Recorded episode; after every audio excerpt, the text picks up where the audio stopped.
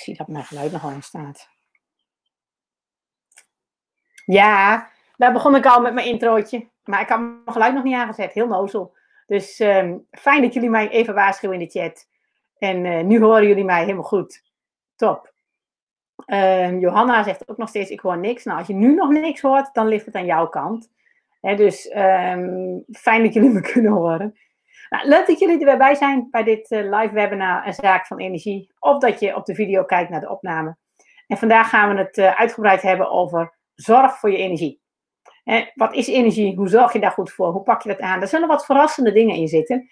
En uh, daar ga ik je vandaag veel over leren. We hebben wel een aantal leuke vragen binnengekregen die ook veel gingen over zorg voor je energie. Hoeft niet, hè? Ik doe elke week een thema bij het webinar, maar je mag ook zelf alle vragen indienen die je wilt. Dus vragen hoeven niet per se bij het thema te horen. Kies vooral wat je wil. Um, ik had een paar laat ingediende vragen. We gaan even kijken of we die nog mee kunnen nemen. En anders worden dat de eerste vragen van de volgende week. Um, ik ga even op in de chat reageren.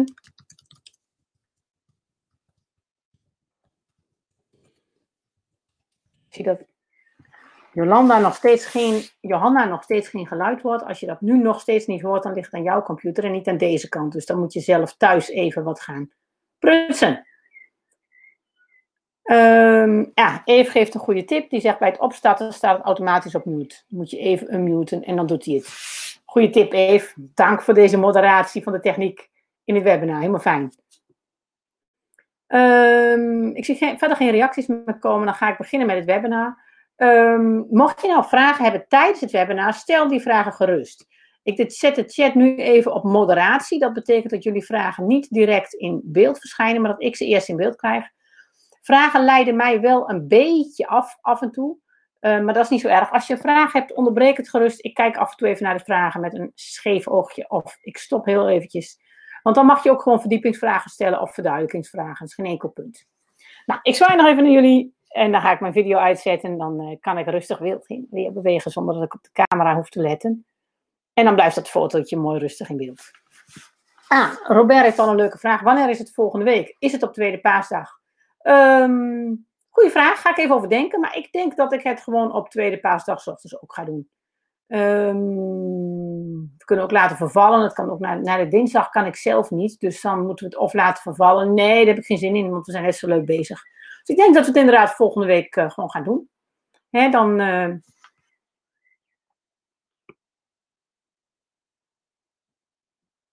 ik zie dat Agnes. Um, precies, Robert zegt: heb je toch nog iets te doen?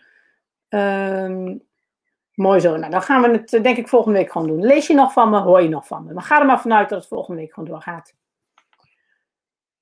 Goed, zorg voor je energie. Um, oh ja, nog even over dit webinar. Even kijken, die kan ik nog kleiner maken. Ja. Um, vandaag gaan we het hebben over zorg voor je energie. En krijg je volop tips en advies. Um, ik krijg antwoord op je ingediende vragen. En live chat, als er tijd over is, doen we dat gewoon. En hebben we ook nog ruimte om live nog op vragen in te gaan op het laatst. We gaan het zien vandaag. Nou, iedereen wil graag lekker werken met volop energie. Maar soms vliegt je energie eventjes uit de bocht en lukt dat niet. Hè? Schiet je van de overvloed toch in de schaarste. Hè? In plaats van op een ontspannen manier nadenken over je problemen, loop je weer te rennen en te vliegen en verlies je het overzicht. Dat, die momenten kennen we allemaal. Ik ook nog steeds. En het punt is ook niet dat je dat overkomt, maar het punt is vooral hoe ga je daar dan mee om? En hoe doe je dat op een goede manier? Kortom, hoe zorg je goed voor die energie?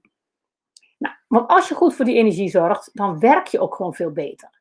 En dan komt er meer uit je handen, ben je vaker enthousiast en vrolijk. Maar ben je soms ook heel productief depressief. Want wat ik namelijk steeds merk in mijn werk, als ik dan eens, nou depressief is een groot woord, maar even een dipje heb, niet zo zie zitten, geen zin heb. En ik wil me daar uitworstelen, dan werkt dat niet. Als ik toegeef aan dat dipje, dan heeft dat dipje me vaak heel veel te vertellen. Dan vertelt zo'n dipje me bijvoorbeeld dat het hoog tijd is om dingen eens wat anders aan te gaan pakken.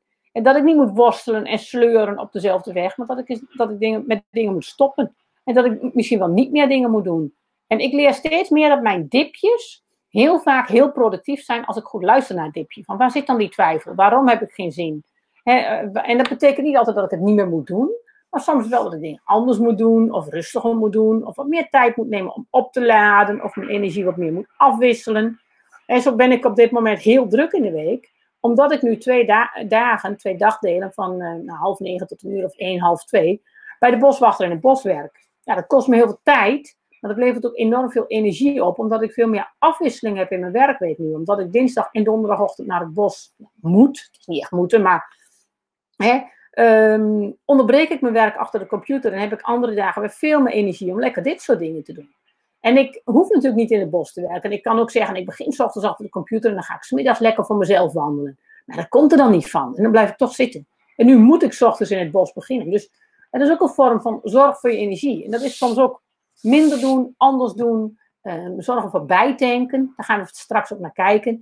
En wat is dat bijtanken? En met die zorg voor je energie werk je gewoon veel lekkerder.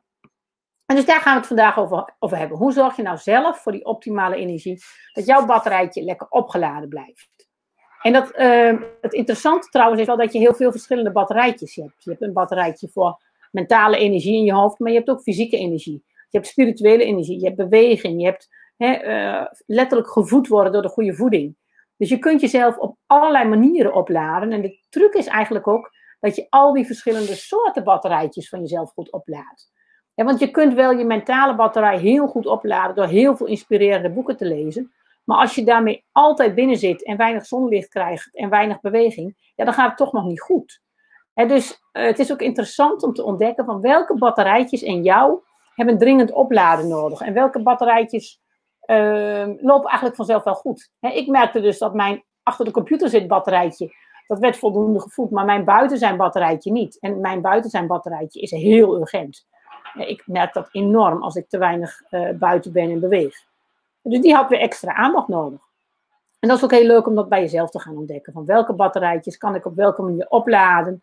Hè, en hoe hou ik die ook op niveau? Want als je je batterijtje niet al te ver leeg trekt, dan laat die ook sneller weer op.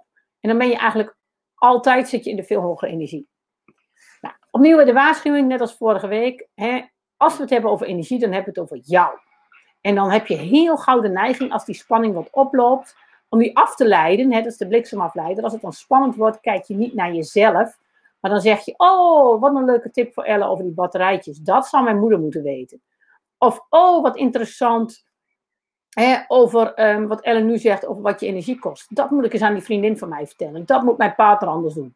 Of je gaat andere bliksemafleiders zoeken. Je gaat denken, ja, die webinars van Ellen zijn leuk hoor. Maar eigenlijk zou ze die slides meer zo moeten ontwerpen.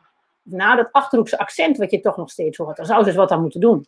Ook dat kunnen bliksemafleiders zijn.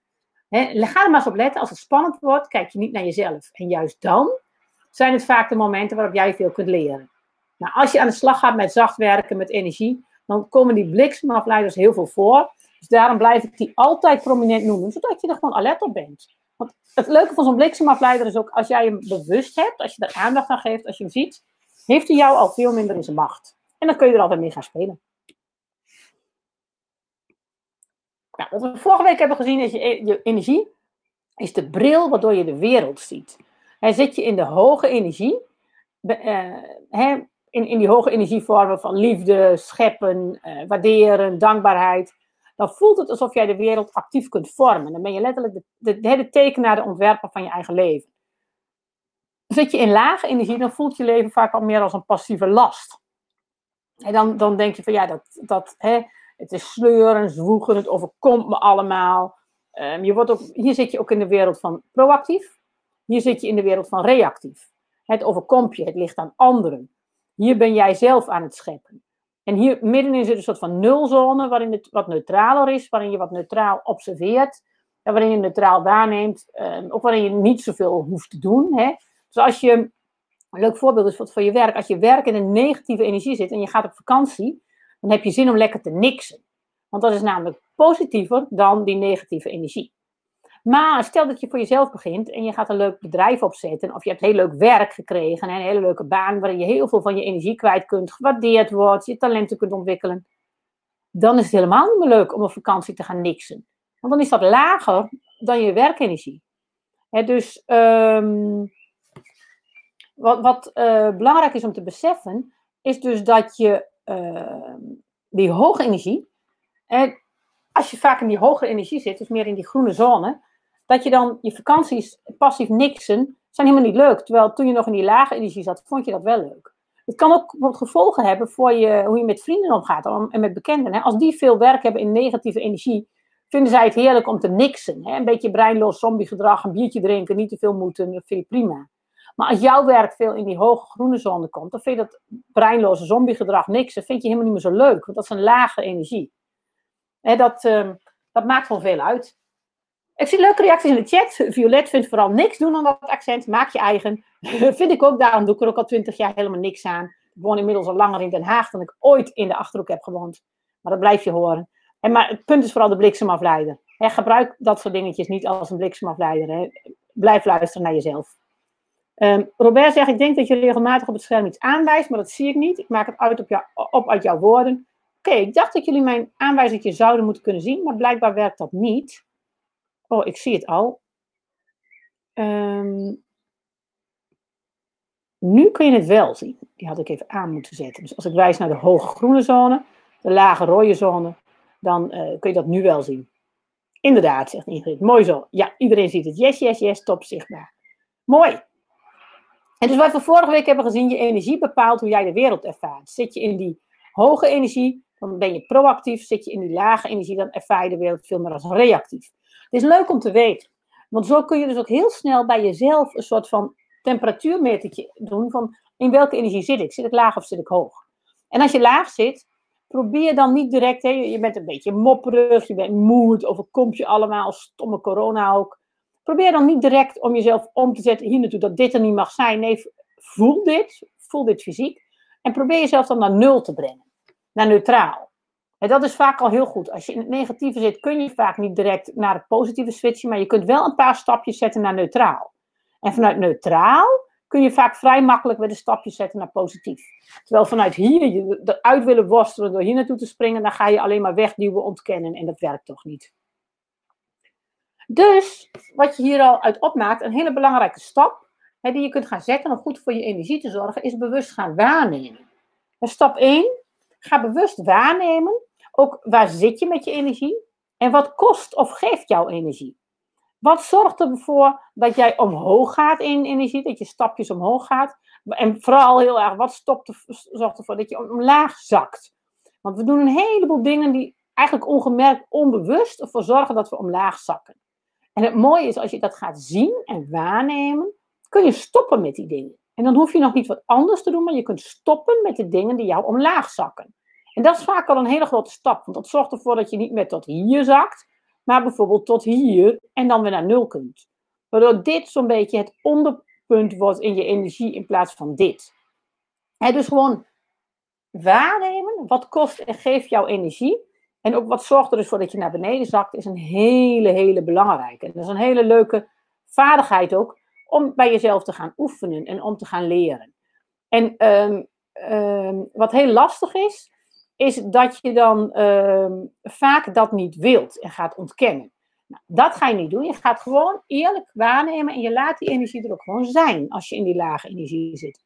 Want soms heeft die lage energie je ook dingen te vertellen. En die kun je niet uh, dus waarnemen als je die energie wegdrukt. En in die stap 1, dat waarnemen, is dus ook echt een hele lastige. Hè, van wat kost of geeft jouw energie. Het is heel lastig, want het kan namelijk elk moment van de dag veranderen. Het is niet constant. Binnen 10 minuten kan iets anders je energie kosten of energie geven. Wat dat betreft is die uh, energie is iets heel levends, iets heel vloeibaars. En onze mind heeft vaak moeite om uh, vloeibare, bewegende dingen te begrijpen. onze mind is heel erg gericht op dingen labelen en ze een vaste naam geven. Appel, een peer, wind, water. Maar als je goed kijkt naar een appel, een peer, wind of water, dan zie je dat elke appel een beetje anders is. De wind voelt continu een beetje anders. Water beweegt continu. Het is een levend iets. En jouw energie is ook een levend iets. Dus het is heel interessant om dat te gaan waarnemen als een levend iets dat continu verandert. ook, um, ik, ik, ik, doe zelf veel met een bullet journal. Hè, dat heb ik heel veel mensen aangeraden. Veel mensen werken daar nu mee. Nou, als je met zo'n bullet journal werkt, dan zie ik nog wel eens mensen die dan hun mood, hè, hun humeur op een dag bijhouden. Dan denk ik al, ja, dat kan eigenlijk niet zo goed. Want mijn humeur verschilt behoorlijk in de dag. En ik heb best wel eens tien minuten een dipje, maar ook wel eens hè, een uur dat ik ontzettend enthousiast ben. Of dat ik gewoon lekker neutraal naar buiten zit te staren met een kopje thee. Of dat ik. Dus het is heel leuk om die uh, vloeibaarheid van je energie ook te gaan waarnemen. plak daar niet te snel een label op van, oh, wat een rotdag, alles gaat mis. Wel, nee, je hebt die dag gewoon te eten gehad. Er was gewoon een wc waarin je je behoefte kon doen. Er stond een bed voor je klaar. Dat is allemaal niet misgegaan. dus um, let daar heel goed op. Die energie verandert continu. En probeer dus ook niet te gaan veroordelen van, oh, dit mag niet. Maar blijf neutraal observeren. En wat daar vaak bij kan helpen, ook als je in die lage energie zit, is dat je dus niet zegt, dit mag niet, dit moet weg. Maar, oh, wat interessant. Als je dat kunt doen, dus tegen jezelf zegt van, oh, wat interessant dan krijg je ook een soort van open nieuwsgierigheid, waarmee je die energie heel fijn kunt waarnemen. En uh, daar komen we dadelijk op waarom dat ook zo belangrijk is. dus wees nieuwsgierig. Hoe zou dit bij mij zijn? Hij denkt dus ook bij die lage energie niet van, oh, dat, doe ik al wel, of dat kan ik al wel. En met name als je al veel cursussen of opleidingen hebt gevolgd op het gebied van persoonlijke ontwikkeling en energie, dan heb je nog wel eens de neiging om te denken, dat kan ik wel, dat weet ik wel, dat doe ik volgens dat model, dat heb ik zo in die cursus geleerd. Maar ook daarin is jouw energie weer een levend geheel wat zich verder kan ontwikkelen. Als jij neutraal observeert over het interessant. En als je nieuwsgierig bent, hoe zou dit bij mij zijn? Die, die twee elementen, die nieuwsgierigheid en dat neutrale, die zorgen er namelijk voor, even een plaatje terug, dat je vrij snel in deze zone zit en hierboven. Dus alleen al door neutraal te kijken, door het toe te staan, um, breng je jezelf hier en ook vanuit hier gebruik je heel vaak die neutraliteit. Dus denk nou niet van ja, ik zit al in de hoge energie en met neutraal verlaag ik mijn energie. Nee, neutraliteit is iets wat je hier in al die zones kunt toevoegen. Het grappige is eigenlijk in die negatieve zones hier ben je nooit neutraal. In die negatieve zones moet iets altijd weg. Het mag er niet zijn. en daar heb je ook last van, want, want je hebt last van iets buiten jou wat weg moet. En dat is eigenlijk een ultiem reactieve manier van denken. Dus, dus dan ga je dus van dingen aan dingen ergert of dingen die weg moeten, probeer dan gewoon naar neutraal te gaan. Hé, wat interessant. Hoe werkt dit bij mij? Hoe zit dit in elkaar? En probeer met die uh, neutrale, onbevangen nieuwsgierigheid te gaan kijken. in plaats van veroordelend. Want veroordelend is altijd al negatieve energie. Ook oordelend zijn over anderen is ook heel vaak al negatieve energie.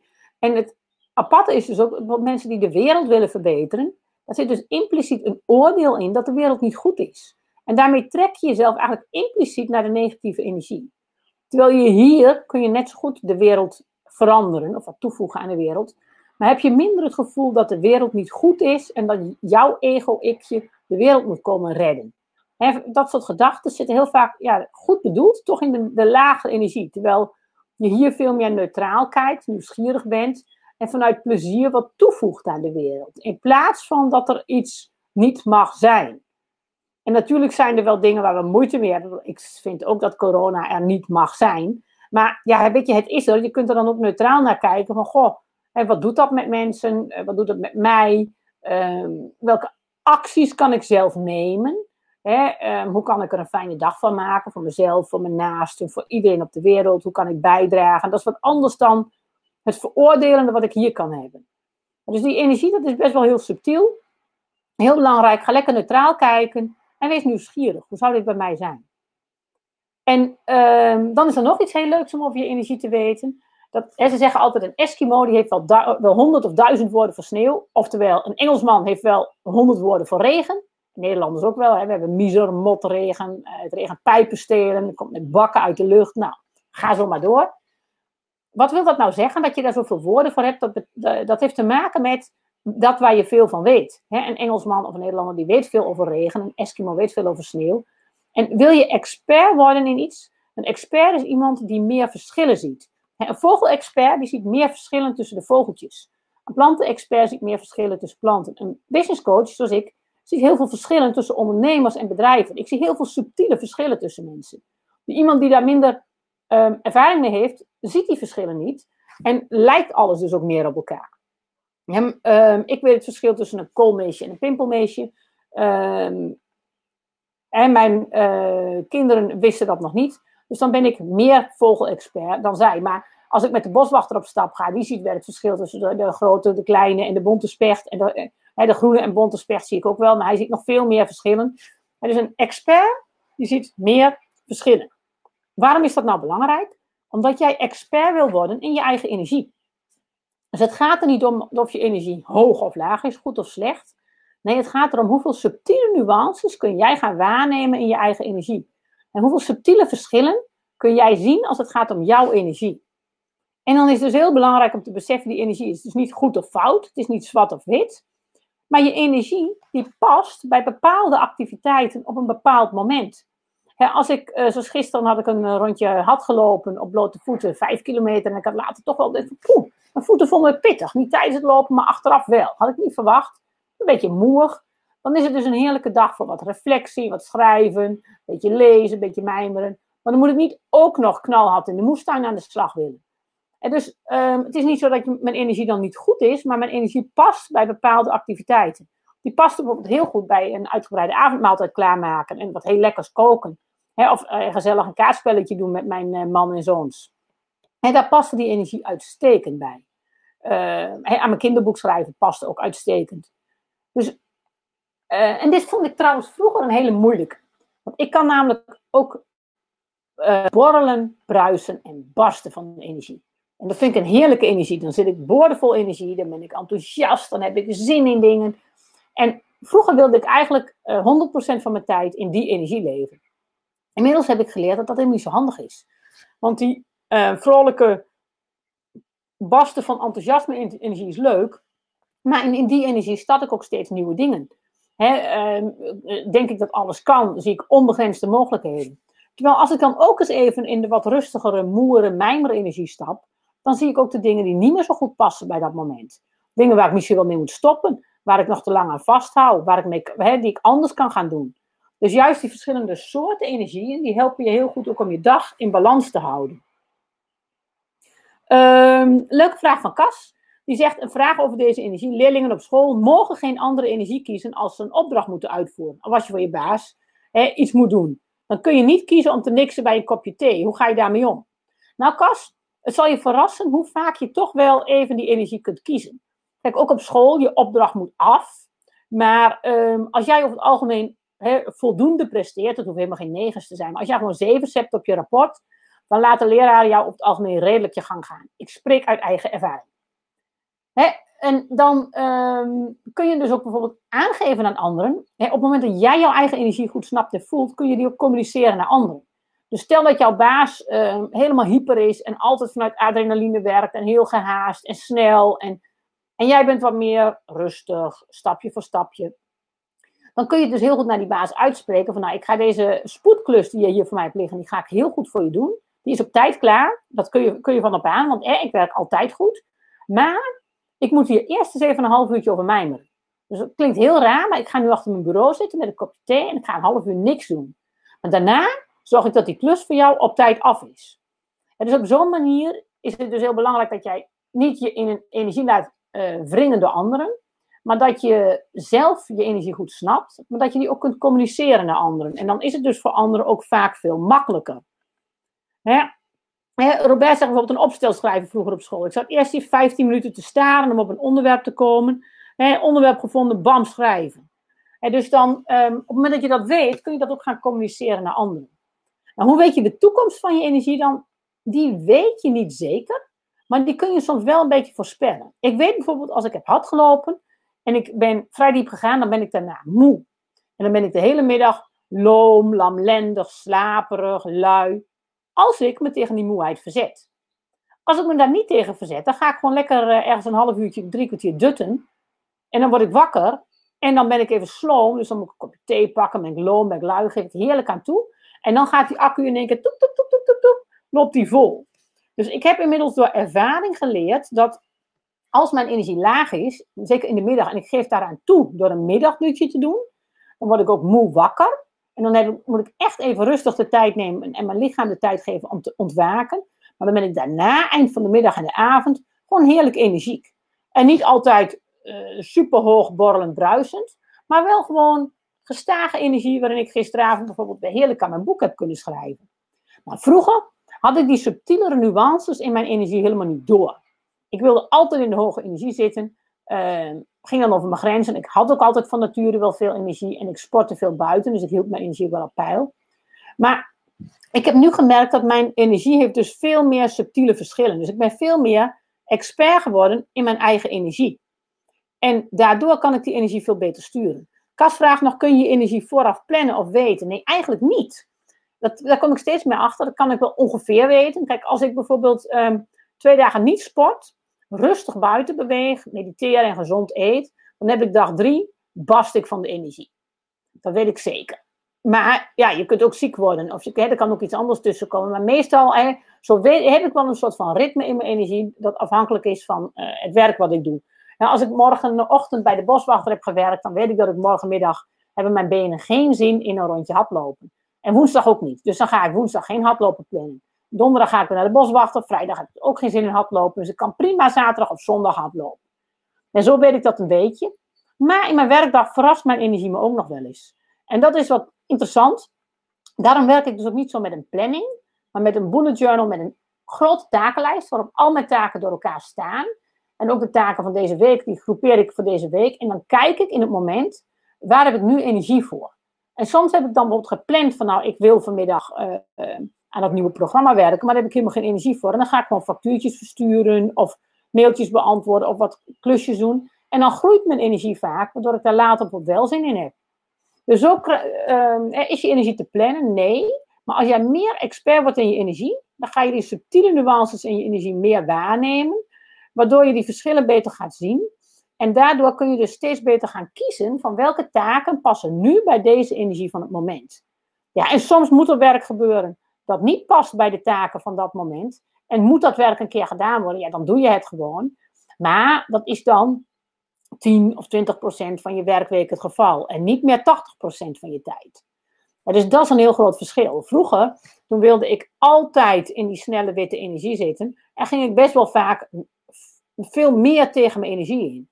Nu kan ik veel meer uh, meebewegen met die energie. En dus veel vaker werken vanuit de energie die past. Het leuke daarvan is weer dat ik dus veel vaker vanuit hoge energie werk, zit ik veel vaker hier en dip ik veel minder, waardoor ik ook veel minder meer hoef bij te spijkeren om naar neutraal te komen.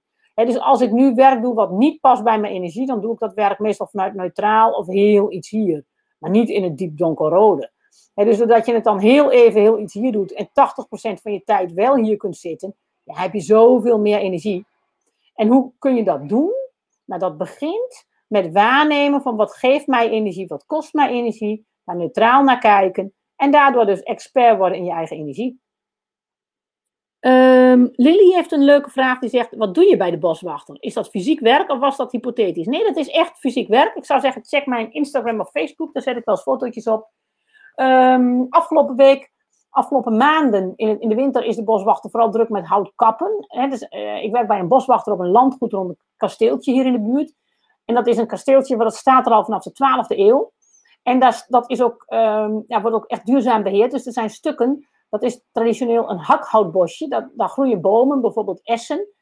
Die, uh, en andere bomen, die groeien daar voor het hakhout. Hè. Het hout wordt op het land goed gebruikt werd. Dus die, daar laat je behoorlijke stammetjes van groeien, een jaar of tien. En dan kap je zo'n bosje, waarna de onderkant weer uitloopt tot nieuwe stammetjes. Nou, zo zijn er verschillende van die hakhoutbosjes overal op het terrein. Dus elke winter moeten er wel stukken hakhoutbosje gekapt worden. Ja, precies, bij Duivenvoorde, zegt... Um, Matta. Maar dit kan op veel meer plekken hoor. Staatsbosbeheer, natuurmonumenten, die hebben overal zijn, zijn kastelen, maar ook landgoederen waar je als vrijwilliger dus kunt helpen. Nou, mijn werk de afgelopen week was dus de boswachter en zijn uh, vaste mannen die lopen met grote kettingzagen die bomen te kappen. Die halen de kleine takken eraf en die kleine takken moeten we dan op walletjes gooien. Zodat uh, dat hele mooie walletjes worden voor de egels en vogels om in te nestelen en dat vergaat. Er gaan heel veel kleine beestjes zitten. En de grote stammetjes die moeten we uit het bos slepen, op karren stapelen. En die worden verkocht tot haathout of tot ander hout. En uh, ja, dat is gewoon heel veel fysiek zwaar werk. dus um, dat is wat ik op dinsdag en donderdag nu doe. Het is dus letterlijk een hele andere energie dan uh, lekker stilzitten, een webinar geven en met mijn hoofd bezig zijn. En voor mij zijn die twee energieën heel mooi aanvullend. En dus die brengen ook heel veel balans in de energie in mijn werkweek. Nou, naast het waarnemen van je energie is er nog een leuke, dat is namelijk het boosten van je energie. Hoe kun je nou die energie omhoog brengen, vergroten? Maar heel belangrijk daarbij is de start van je dag. En uh, in die start van de dag zijn we eigenlijk stilletjes de afgelopen jaren heel veel dingen fout gaan doen. En daar wil ik je nu nog wat meer over vertellen, over die start van de dag. Hoe doe je dat goed? En daarna gaan we naar de vragen uit de Q&A. Nou, heel belangrijk is als je s ochtends wakker wordt, dan heeft je lichaam heeft eigenlijk heel veel gereinigd en gereset. Zeker als je dat, uh, als je ook voordat je slaap gaat dat slim doet, dan zul je merken dat de avond en nacht een tijd is voor een enorme reset en schoonmaak van je lichaam. Dus als je dan wakker wordt, ik, zou trouwens de volgende keer nog eens wat kunnen hebben over het einde van je dag. Daar kan ik namelijk nog ontzettend veel over vertellen. Ga ik nu niet doen. Ga ik bewaren voor de volgende keer. Het einde van je dag om te starten met een frisse energie. Ah, Erika zegt wat leuk. Ik ben precies daarover aan het schrijven in mijn nieuwe boek. En maar dus het begin van de dag, afstemmen op jezelf. En voordat die energie van de wereld je weer in zijn greep krijgt, is het heel fijn om als je dus uh, ja, zo schoon wakker wordt, stem af op jezelf en op je eigen energie. En bijvoorbeeld ga mediteren. En als je niks met mediteren hebt, kan het ook zijn, ga tekenen. He, uh, de dingen als de uh, morning pages, miracle morning, al dat soort dingen, die zijn allemaal gebaseerd op dat principe dat je ochtends contact maakt met jezelf. En naast dat je contact maakt met jezelf, ga je ook je intenties hardop uitspreken. Dus dingen die jij graag wilt. En dat weet je vast wel, intenties spreek je uit alsof, je, alsof ze al gebeurd zijn. Alsof je die al hebt. Dus je zegt niet, um, later wil ik um, werken uh, in de natuur en uh, daar heel veel plezier hebben. En ik zeg nee, ik werk in de natuur en heb daar heel veel plezier. En um, dat spreek je s ochtends hardop uit. Dat klinkt een beetje raar, maar daarmee breng je die intenties tot leven. He, dat is letterlijk de macht van het woord. En er zijn ook stukken in je eigen hersenen, doordat je dat tegen jezelf uitspreekt, gaan die stukken in de hersenen dat als het ware accepteren als een realiteit. Dan gaan ze jou ook dingen laten zien en waarnemen die passen bij je realiteit. Want je zintuigen nemen heel veel waar wat niet doordringt tot je bewustzijn. En doordat je dit soort dingen hardop gaat uitspreken, gaan die zintuigen dingen doorlaten naar je bewustzijn die passen bij die realiteit, waardoor je ook veel meer kansen gaat zien om die realiteit te realiseren. Een andere belangrijke voor je eh, morning ritueel, je ochtendritueel, is het verbind je ook met de natuur. En wat ik al zei, dingen als Miracle Morning of Morning Pages, dat soort methodes waar je veel over leest, die zijn dus ook hierop gebaseerd. Eh, de start van je dag goed laten beginnen door af te stemmen op je energie en jezelf voordat de wereld je weer in zijn greep krijgt. Nou, wat is dus heel belangrijk om niet te doen? Uh, Cas zegt, uh, die intenties doe je dat gedetailleerd of globaal, mag allebei. Maar als je het gedetailleerder doot, wordt het vaak wel makkelijker om het sneller te realiseren. Maar het mag soms ook globaal en soms veranderen die intenties ook, want dat is ook een levend geheel. He, uh, op het moment dat je bezig bent met bepaalde intenties en wensen, zul je op een gegeven moment ontdekken dat die intenties en wensen misschien wel helemaal niet zo bij jou passen of, of helemaal niet zo blij maken. En dan ga je naar een andere intentie. En heel belangrijk, ga je dus ook niet afvragen bij die intenties het hoe. Daar gaat het helemaal niet om. Je denkt of wil heel graag het hoe invullen. En zolang je het hoe niet ziet, denkt hij van ja, het kan toch niet. Nee, je uh, hoe hoef je helemaal niet in te vullen. Dat laat je het midden. Dus je spreekt die intenties uit. Wat gaat er nou heel vaak mis bij ons, bij de start van de dag, is dat we de dag niet vanuit onszelf starten, maar vanuit de media om ons heen. En heel veel mensen gebruiken tegenwoordig een smartphone als wekker. Nou, wat gebeurt er dan? Op het moment dat je je uh, wekker uitzet, kijk je ook even naar je appjes, je mail, nieuws. En dan zit je eigenlijk alweer een hele, in een hele verkeerde energie. Ja, Erika zegt, ik trek een tarotkaart, bepaal mijn intentie daarop. Ja, dat kan ook. Um, let wel op dat het wel jouw energie is. Hè? Dus niet te veel vanuit dat je de kaart dus gebruikt als een soort van wijsheid en niet als een voorspeller. Want dan geef je als het ware jouw energie daaraan weg. En maar en die smartphones op de slaapkamer, ik ben daar een heel groot tegenstander van. Ik vind eigenlijk dat je, slaap, je smartphone bij voorkeur op een andere verdieping moet liggen dan waar je slaapt. Als je een huis hebt met verdiepingen. En heb je geen huis met verdiepingen, dan vind ik eigenlijk dat je die smartphone gewoon weg moet leggen waar je hem niet ziet en hoort, totdat je een, een stuk van de dag gestart bent. Dus woon je in een uh, eenkamerappartement, uh, leg die smartphone dan in een doos, in een kast, zodat je er niet ochtends direct naar kunt grijpen. En, en begin die ochtend echt vanuit je eigen energie. En dus begin die ochtend vanuit je eigen energie, vanuit uh, wat jij wil neerzetten. En geef je jezelf ook de tijd om in die ochtend dat je onderbewustzijn dus nog eventjes met je kan communiceren. Voordat dat hele rationele brein wakker wordt. En daar zijn ook die dingen als Miracle Morning en Morning Pages heel goed voor. En dan zit je nog in een soort waak-slaaptoestand, waarin je onderbewustzijn soms nog verder open staat, nog meer binnenkomt. En um, zegt, ik zet hem op de vliegtuigstand. Ja, maar dan zou ik eigenlijk willen dat je hem ook zeker tot na je ontbijt op de vliegtuigstand hebt staan en liever nog langer. Als jij namelijk ervoor kunt zorgen dat nadat je wakker bent geworden, je pas twee uur later je telefoon gaat bekijken, dan heb je twee uur lang je dag gestart vanuit je eigen intenties en je eigen energie. Nou, dat doet echt ontzettend veel voor je hoge energie. Het kost ook wilskracht. Want het is heel makkelijk om even je telefoon te checken, appjes te checken, nos.nl te lezen. En dan zit je al veel meer in deze energie. Want veel van media is gewoon gericht op negativiteit, op schaarste, op problemen. Want dat trekt aandacht en lezers. Dus je wil eigenlijk veel liever naar die hoge energie en in neutraal blijven na het wakker worden. dus ehm, kijk naar jezelf. En heel belangrijk bij deze slide, ga nou niet ehm, direct kijken van wat doe ik al goed. Maar ga juist eens kijken, waar kan ik meer van doen? dus ik krijg nu een aantal reacties, ook in de chat van mensen die zeggen van ik doe al dit, ik doe al dat. He, Erika zegt ook een kaart, die tarotkaart, en dat heeft heel veel interpretaties. Marta zegt, ik zet mijn telefoon op de vliegtuigstand. Ik mediteer eerst, en na het ontbijt doe ik wel direct een mail. Ehm, ik, ken, ik, weet van een aantal um, succesvolle ondernemers en mensen die goed zijn in hun bedrijf. Die zeggen bijvoorbeeld, ik doe nooit mail voor 11 uur. ik, um, en ik doe mijn mail twee keer per dag om 11 uur en om 5 uur dan werk ik mijn mail ook helemaal bij. In de zin van hè, dingen die ik belangrijk vind, beantwoord ik direct. Andere dingen gaan in een mapje doen. En die pak ik later een keer op wanneer ik het nodig vind. Maar zo ben ik twee keer per dag bij met mijn mail. En dat vind ik genoeg.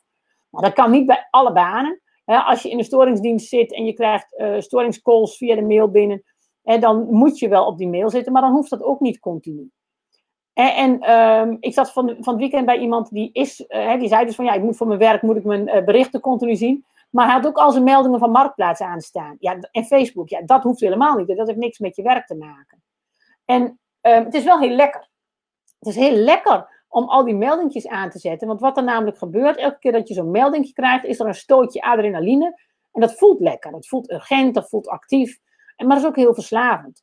Dus eigenlijk heb je met die meldingen, zet je jezelf in een, een, een, een lage energie verslavende modus, waarin je continu eigenlijk uit je eigen energiestroom getikt wordt doordat je dus uh, ja, continu die, die, meldingen en berichtjes krijgt. En ik moet eerlijk zeggen, ik ben zelf ook super verslavingsgevoelig. Dus ik vind ook al die meldingen en berichtjes, die doen heel veel met me. Ik heb dat ook allemaal uitstaan op mijn telefoon.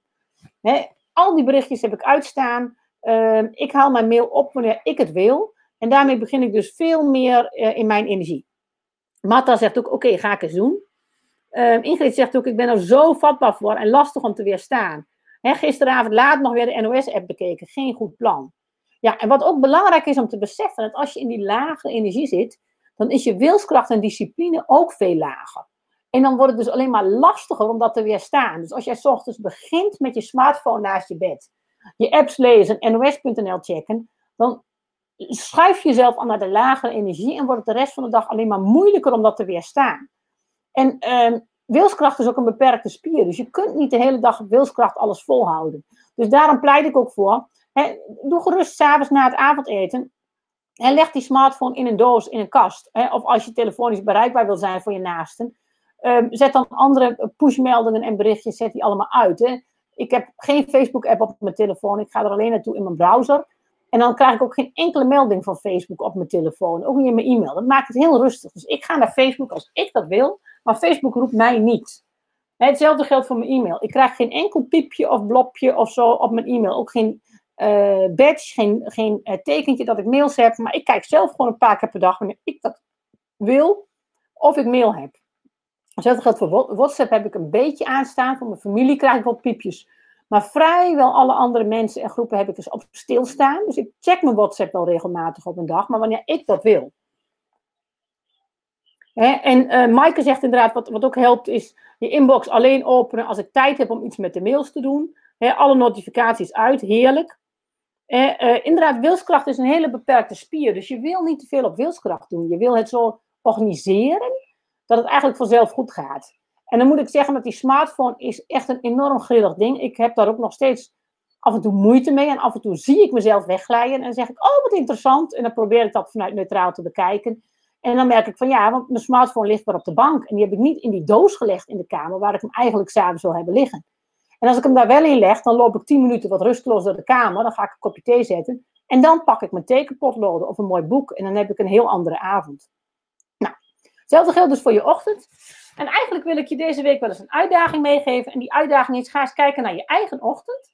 En ga dadelijk na, na het webinar, ga voor jezelf eens even je perfecte ochtend designen dus ga eens even neerzetten van hoe zou ik eigenlijk willen starten? Maar doe dat ook een beetje realistisch. je bent geen monnik die hoog op de bergen zit te mediteren en die dat de hele dag kan doen. Je hebt misschien wel eh, jonge kinderen om je heen die vroeg op zijn. dus kijk, hoe kun jij afstemmen op jezelf voordat de wereld jou in zijn greep krijgt? En dat kan dus ook zijn dat je zegt van nou, ik ga s ochtends altijd even na het ontbijt. ook in deze coronatijd een half uurtje met mijn kinderen naar buiten. Even een half uurtje wandelen. Al is het maar naar het speeltuintje op de hoek of twintig minuutjes. We gaan een rondje beren tellen. We gaan elke ochtend even tellen hoeveel beertjes er voor de ramen zitten in de buurt. En of er weer beertjes zijn bijgekomen. En maar um, ga dus voor jezelf een leuk ochtendritueel verzinnen waarin je bij voorkeur even connect met de natuur. En dat kan heel simpel zijn. Hè? Dat kan ook even kijken naar die boom bij jou achter het binnenplaatsje, je raam opgooien en je intenties tegen de boom uitspreken. maar, maar kijk of je dus een ochtendritueel kunt verzinnen waarin je iets van meditatie rust hebt iets van intenties had op uitspreken en iets van verbinding met je natuur. En met de natuur. En dat ga je verder gewoon vormgeven op een manier zoals het bij jou past. Hè? En zo'n ritueel kan dan ook klein en kort en eenvoudig. En ga eens even kijken, wat wil jij met je e-mail en andere berichten hè, en de wereld? Ga je s ochtends ontbijten met de krant? Of pak je een goed boek waar je een paar pagina's uit gaat lezen? Of ga je gewoon ontbijten met je ontbijt en de energie van de voeding goed voelen? Maak voor jezelf een leuke, ideale start van de dag. Maak hem niet te perfectionistisch, maak hem gewoon praktisch, zodat hij ook klopt en past, dat hij ook goed te realiseren is. En ga gewoon eens kijken hoeveel dagen je het lukt om die start van de dag te doen. Kijk ook gewoon objectief wanneer lukt het niet. En wanneer, wat komt er dan tussen? Wat gebeurt er dan? En kijk dan ook eens hoe jij je dan voelt met de lunch. En, uh, en in de middag. En kijk eens hoe lang die start van de dag eigenlijk effect heeft op je dag en wat je dan doet. Ben ik heel benieuwd naar. Wat een, uh, de opdracht voor deze week. Bekijk dat voor jezelf. Maak het dus praktisch. Niet te perfectionistisch. Niet te moeilijk. Maar ga gewoon eens even lekker aan de slag. Hester vindt het een mooie opdracht. Mooi zo. Nou, het is een mooie opdracht voor jezelf om mee aan de slag te gaan. Hè? Zorg voor je energie met een goede start van de dag. En dan wil ik nu nog eens even gaan kijken naar jullie ingediende vragen. Er was een heel stel leuke vragen. Dus uh, daar gaan we mee beginnen. Eens even kijken. We beginnen met de vraag van Pamela. Die kwam als eerste binnen. Ze zegt, ik merk dat als ik afspraken op een dag heb, krijg ik veel meer gedaan dan zonder afspraken. Heb ik minder energie, ga ik mee in de waan van de dag. En voor ik het weet is de dag alweer om. En als ik afspraken heb, dan heb ik alles goed voorbereid, is mijn huis op orde, denk ik helderder, heb ik meer, lijkt ik meer energie te hebben. Het zal iets met he, cortisol, adrenaline te maken hebben, maar hoe ga ik om met dat gebrek aan energie en daadkracht als ik geen doel heb? En ga ik misschien over mijn grenzen qua energie, als ik dan wel afspraken heb? Nou, leuke overwegingen, Pamela. Ehm, het kan inderdaad. Hè. Als je vaak in structuur werkt, kan het best zijn dat als die structuur weg is, dat je dan ook een beetje ja, uh, uitgeput moeig wordt, omdat je uh, met die deadlines te veel hebt gedaan, te veel vanuit adrenaline, cortisol werkt en daarna in een dipje schiet. Maar iedereen vindt het ook wel lekker om iets van structuur en ritme te hebben. Mensen zijn gewoon ritmedieren, hè? een deadline, ergens waar je naartoe moet werken, iets wat het doet voor een ander. Dat is gewoon heel fijn. Het is ook niet voor niks dat er bij mij bij de boswachter uh, behoorlijk wat uh, gepensioneerde mannen werken, omdat die graag ritme en structuur willen houden in hun dag. Dus um, waar je naar kunt kijken is twee dingen. Ten eerste, hè, als je een dag hebt met afspraken, zorg dan inderdaad dat je niet te veel over je grenzen gaat. Hè, of dat je bijvoorbeeld oplaadtijd hebt na je afspraken. Ik heb bijvoorbeeld vanmiddag heb ik een, een hele leuke coachwandeling. Met een, eh, een klant gaan we langs het strand. Hè, met een goed uh, coronabestendig afstand houden. Maar zo kan ik toch mijn, mijn kick-offs van mijn trajecten doen.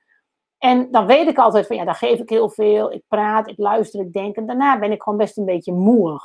Dus ik kan daarna nog best dingen doen. Maar dan ga ik niet nog drie coachingscalls plannen. En vanavond heb ik weer een vergadering. Dus dan wil ik daartussen ga ik even rust plannen. Dus dat zou je ook kunnen doen. Dat je dus kijkt dat je rond die afspraken ook wat rust hebt. En dan hoef je ook niet zoveel. En dan ook niet weer van alles willen.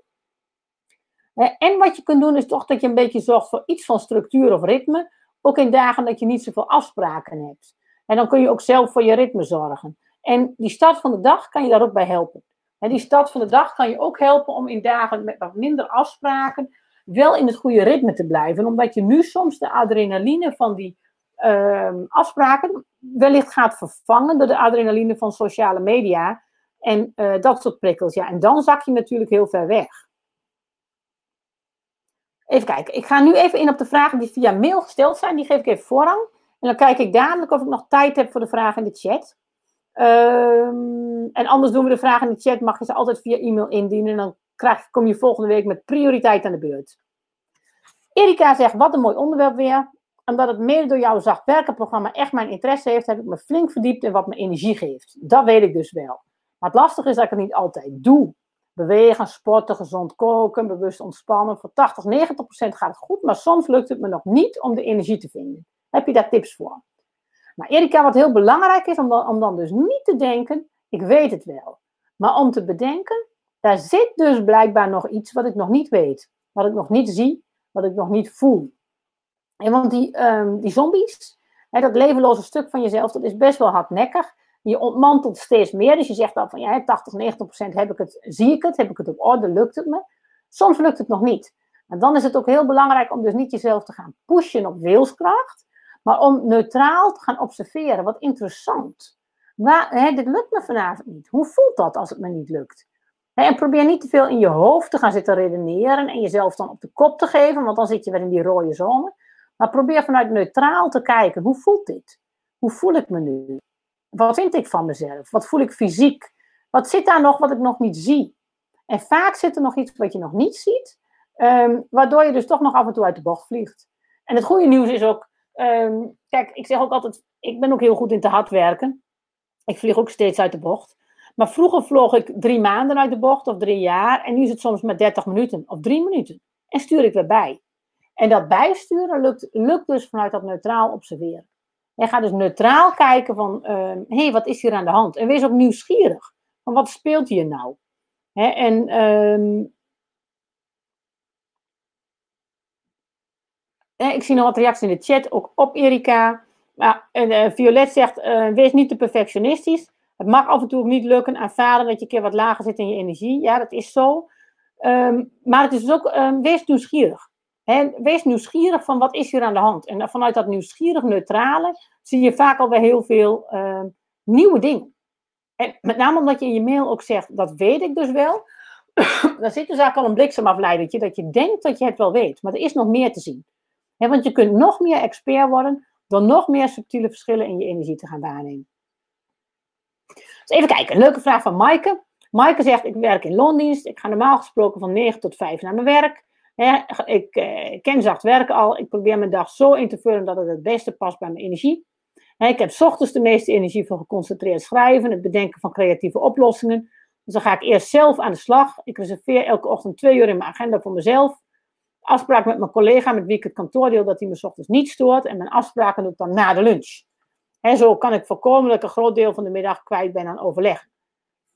Nou, vanwege corona werk ik nu vanuit huis. In de eerste week vond ik het heel erg lekker om mijn eigen werkritme te bepalen. Mijn productiviteit was een stuk hoger. Ik kon heel geconcentreerd in tijdsblokken werken. En ze zegt ook, ik heb inderdaad geen kinderen in huis. Dat maakt veel uit. Maar dat is, gewoon heel fijn als je dan zo kunt werken. En um, ze zei van, ja, dat deed me echt wel even nadenken over mijn energie en hoe ik mijn werk indeel. En zo langzamerhand heeft iedereen het thuiswerken op orde, vult mijn agenda zich weer met online vergaderingen. En die kosten me veel energie. En aan het eind van de dag voel ik me nogal eens geleefd. Hoe kan ik het beste mijn eigen ritme uh, combineren met vaste afspraken en vergaderingen? Nou, Maaike, dat is een heel belangrijke balans en ook een lastige. En uh, een van de belangrijke dingen die je moet beseffen is dat de enige die daar op een gegeven moment de baas over is, ben jij. En jij moet de baas zijn over jouw energie. En natuurlijk heb je soms vaste afspraken of vergaderingen. Dat heb ik ook. Ik heb ook coachingscalls met klanten. Maar probeer dat dan bijvoorbeeld uh, te doen op bepaalde dagdelen of dagen dat het bij jou past. Dat lukt natuurlijk niet altijd. Maar ik kan bijvoorbeeld uh, bepaalde afspraken kan ik echt niet onderuit. Bepaalde kan ik wel min of meer in overleg indelen. Ik, maak, ik weet, voor mij werkt het heel fijn om dan clustertjes te maken. Dat ik af en toe hè, drie, vier calls achter elkaar heb. Dan heb ik een clustertje, zit ik lekker in de energie van de calls. En daarna doe ik dan weer een dagdeel wat anders. Wat ik ook merk is dat ik tijdens die calls heel lekker werk als ik mensen niet hoef aan te kijken. Want dan kan ik wat meer mijn eigen gang gaan. En dan maak ik bijvoorbeeld uh, aantekeningen van mijn coachingscalls. Met daarbij ook allerlei plaatjes en tekeningen. En zodat ik uh, lekker met kleurpotloden in de weer ben. En tegelijkertijd luister ik heel geconcentreerd naar mijn cliënten en krijg ik ook goede ideeën.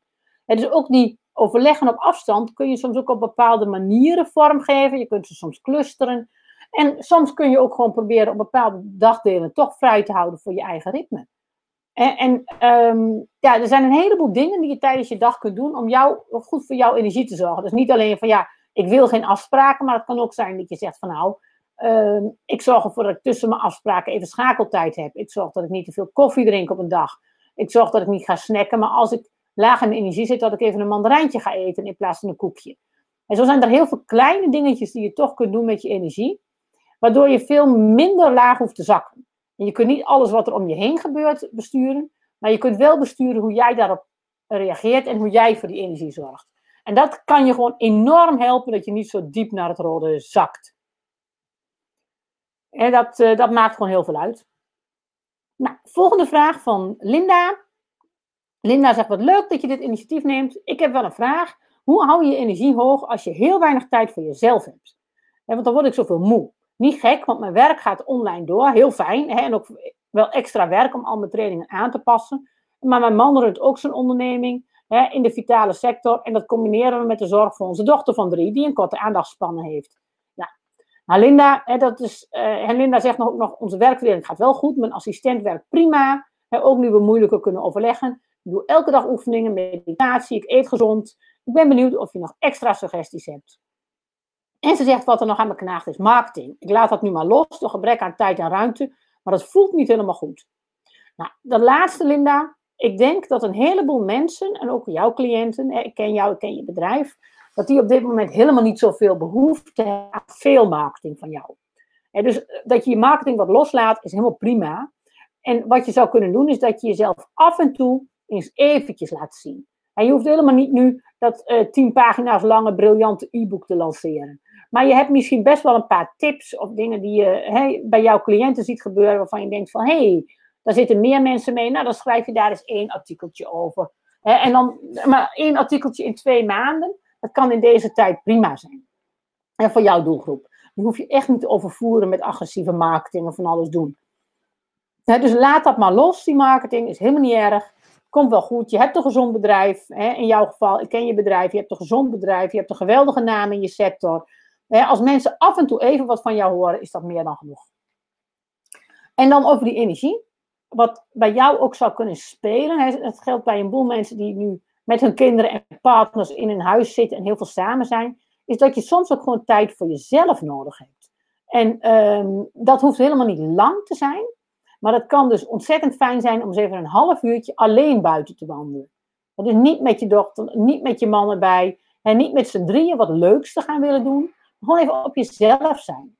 En een heleboel uh, ondernemers, ZZP'ers die ik ken, die zijn gewoon en ook uh, werkende professionals die zijn gewoon gewend om af en toe in hun eigen zone te kunnen werken. Op je eigen werkkamer, je eigen kantoortje, je eigen plek.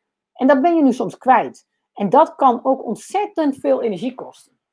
Dus het kan heel fijn zijn dat je een paar keer per dag, en misschien wel een paar keer per, of een paar keer per week, kunt inplannen dat je gewoon even dat half uurtje voor jezelf hebt. En dat kan heel eenvoudig. En dat kan ook s'avonds zijn. Als jij zegt van nou, ik wil s'avonds om, uh, om, om half elf gaan slapen, van, nou, dan ga je van kwart voor tien tot kwart over tien ga je even een half uurtje nog buiten wandelen. En als je dat onprettig vindt, dan doe je dat s ochtends zo gauw je wakker wordt. En, en, niet altijd met je dochter, maar dan af en toe natuurlijk wel, maar ook af en toe even voor jezelf. En zeker als je kleine kinderen hebt, dan heb je de avond vaak wel tijd voor jezelf. Maar ja, de avond ben je zo gezakt in je energie dat je als een zombie voor de tv gaat zitten en of op social media blijft hangen. Terwijl je ook die telefoon ehm, in je zak kunt steken en even lekker buiten een rondje kunt wandelen. Naar de maan kijken, naar de sterretjes, de stilte van de stad. En dat hoeft ook helemaal niet ver. En je hoeft niet een spectaculair natuurgebied in. Je kunt gewoon twee blokjes om je eigen huis lopen. Maar dat doet zo verschrikkelijk veel met je energie. En ook met je tijd voor jezelf. En dus ik raad je aan, als je ook in zo'n situatie zit, ga ook gewoon uh, mini-ruimte maken ehm, voor je eigen energie. En dus dat je echt op jezelf kunt zijn en voor jezelf leuke dingen kunt doen. Nou, ik heb nog twee vragen via de mail, daar ga ik nog even in, op in, die waren een beetje te laat. Jantine zegt van, hoe weet je wat de beste stap kan zijn voor dit moment? Ik heb meerdere mogelijkheden in wat ik kan doen. Kies je, wat kies je eerst wat het dichtst bij jezelf en je eigen missie staat, of wat kies je?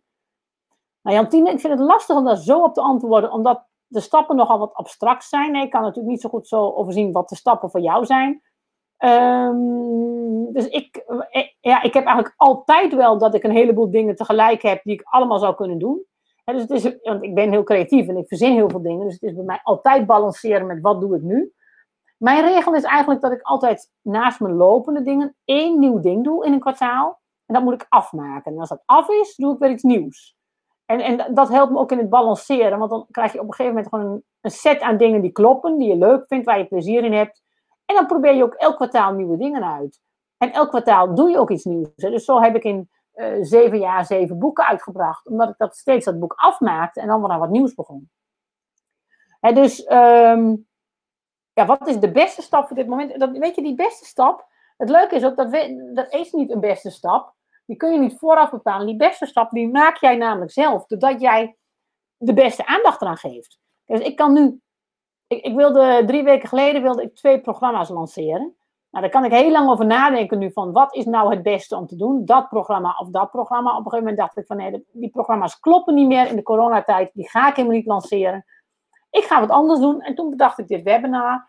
Ja, is dit webinar nou de beste keus? Dat weet je niet vooraf, maar dit webinar wordt de beste keus omdat ik er het beste van maak.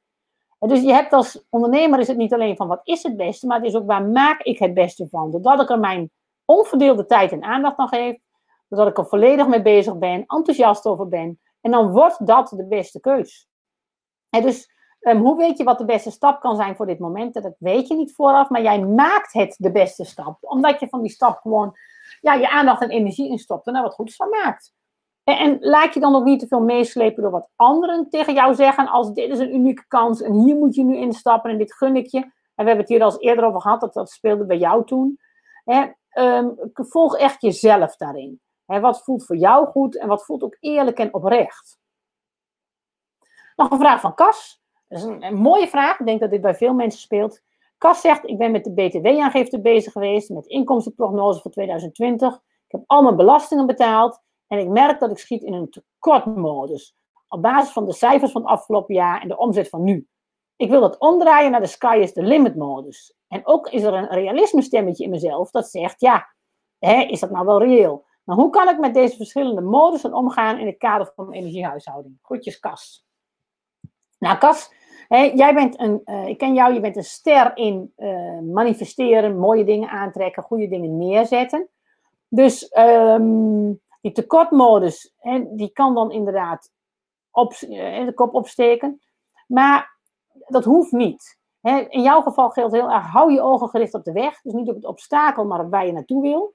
En ja, stukken van je bedrijf zijn lastig en liggen wellicht stil, maar je bent ook iemand die altijd kansen ziet, mogelijkheden ziet, nieuwe dingen verzint.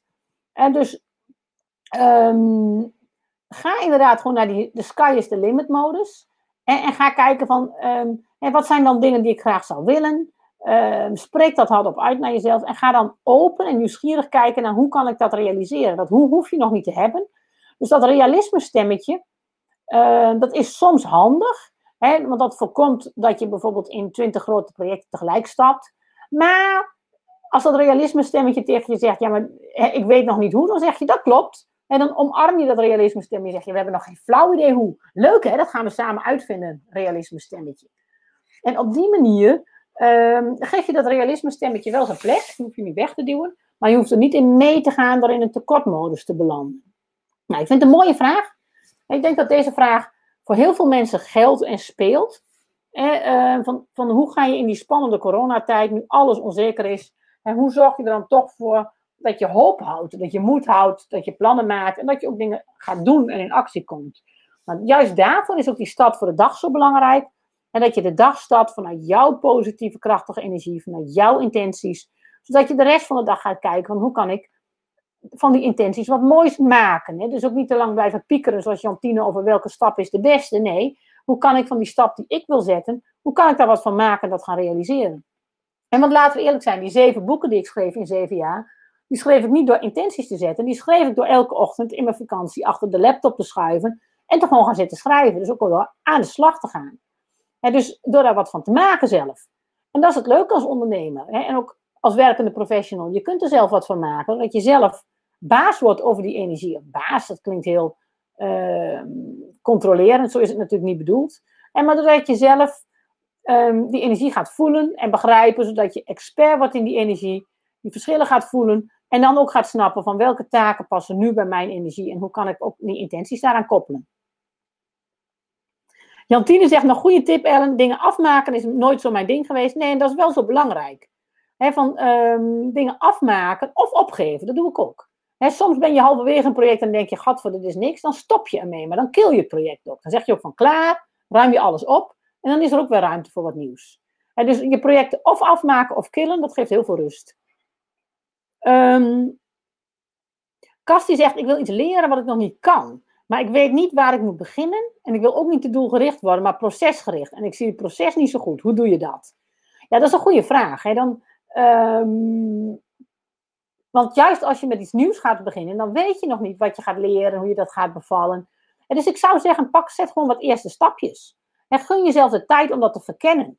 En zet de eerste stappen. Zeg ook niet tegen jezelf, dit moet een succes worden. Maar gewoon, ik ga dit verkennen, ik wil dit uitproberen.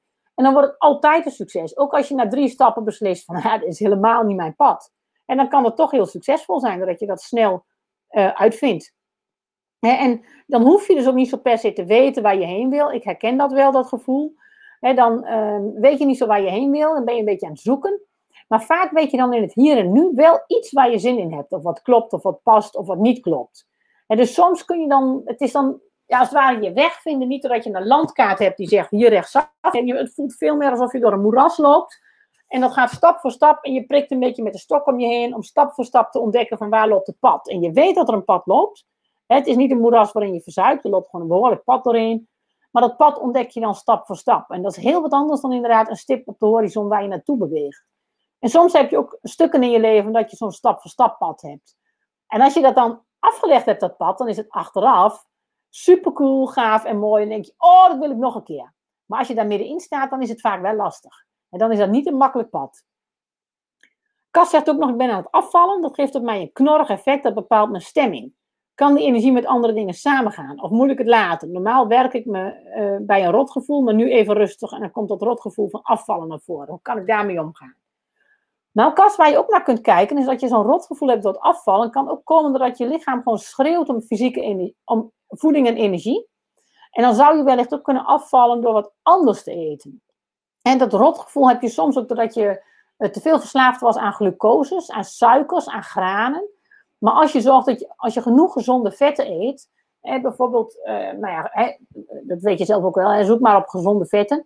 Als je zorgt dat je genoeg gezonde vetten binnenkrijgt en veel water drinkt, dan valt je lichaam, verlies, je lichaam vaak vanzelf wat kilo's. Hè, eet ook veel gezonde groentes, gecombineerd met vet dan heb je dat rotgevoel ook veel minder. Dan, dan voed je je lichaam met gezonde energie, waardoor je lichaam veel uh, overgewicht kan kwijtraken, maar dan hoef je helemaal niet een slanke den te worden. En dan ga je naar een natuurlijk gewicht en dat kan ook best wel eens wat steviger zijn. Ik zeg ook altijd, ik heb een Duits postuur en niet een Italiaans postuur. En voor een Duits postuur ben ik dan helemaal niet zwaar. Maar ik moet geen Franse broekjes gaan passen, want dat, die passen me nooit en dan word ik alleen maar ongelukkig. En dus voed jezelf met de gezonde energie met goede voeding, met veel groenten, veel afwisselende groentes, verschillende kleuren groentes, uh, gezonde vetten. En uh, drink veel water en dan zal dat knorrige gevoel waarschijnlijk ook heel snel minder worden, waardoor je meer in de positieve energie komt. En dan wordt het ook weer veel makkelijker om dat nieuwe pad te ontdekken. Um, eens even kijken. Um, Kas zegt nog, wat als er geen afspraken zijn en je wilt geen sociale media, ga je dan met of aan projecten werken? Ja, bijvoorbeeld. Of um, ik ga dan uh, niks doen. Hè, tekenen, doelloos een tekening maken. Uh, wandelen buiten zonder doel. En juist door dat doelloze open ruimte, in die ruimte krijg je heel vaak de goede invallen en ideeën. In die doelloze open ruimte kreeg ik het idee voor dit webinar. dat krijg ik niet als ik uh, een stip op de horizon heb waar ik naartoe werk. En dus um, geen media, geen prikkels, geen doelen, maar wel connecten met de natuur, intenties zetten en het dan laten gebeuren. Ja, daar, daarin ontstaan hele mooie dingen. Violet zegt nog, als ik moe of duf opsta, dan herken ik het gebrek aan discipline om iets gedaan te krijgen. En dan komt er weinig uit mijn handen. Ik besef nu dat ik die energie veroordeel en het ook als excuus gebruik soms en erin blijf hangen. Nu gaan uitzoeken wat me helpt om die energie wat neutraler te maken. Ja, precies, want juist dat veroordelende hè, zorgt dat het heel hardnekkig wordt. Terwijl als je moe duf opstaat, um, dan kan het ook zijn dat je lichaam gewoon nog even een half uur of een uur starttijd nodig heeft. En dat het daarna wel komt. En het is ook heel interessant als je zo moe durf opstaat om eens even goed te gaan kijken wat deed ik gisteravond. Ik herken dat gevoel bijvoorbeeld als ik uh, s'avonds naar spannende films kijk. Uh, te veel social media, alcohol drink, koekjes eet, snoep. Hè, dan word ik s ochtends heel duf wakker. Ik doe nu bijvoorbeeld daarom uh, eh, 12 uur vasten per dag. Dat klinkt heel heftig, maar dat is heel simpel. Na het avondeten eet ik niks meer. En dus als je je avondeten om 7 uur op hebt, dan eet ik niks meer tot 7, 8 uur de volgende ochtend. Ik drink alleen maar kruidenthee of water. En ehm, daardoor heeft je lichaam 12 uur per dag om te reinigen. Maar als je dit gaat doen, zul je de eerste dagen best wel eens last kunnen krijgen van hoofdpijn en zo bij het wakker worden. Omdat je lichaam heel veel afvalstoffen kwijtraakt. En daarna word je voortaan steeds helderder wakker. En je merkt ook dat je s'avonds geen honger meer krijgt na een aantal dagen, omdat je spijsvertering op een lager pitje gaat. Waar je wel voor moet zorgen is dat je dan overdag voldoende en gezond eet. En dan hoef je s'avonds helemaal niet nog bakjes yoghurt voor het slapen gaan en dat soort dingen. Daar kan je lijf dan prima mee omgaan en dan moet je overdag voldoende eten.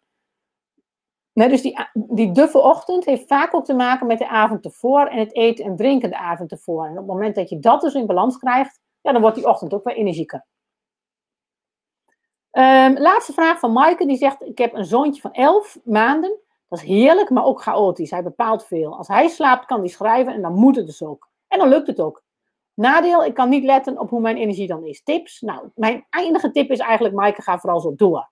Want als dat nu je situatie is, dat je, als je zoontje slaapt, dan kun jij schrijven, dan doe je het vaak ook in die tijd. Dan ben je gefocust en dan uh, komt het ook uit je vingers. Dus blijf dan vooral dat op die manier doen.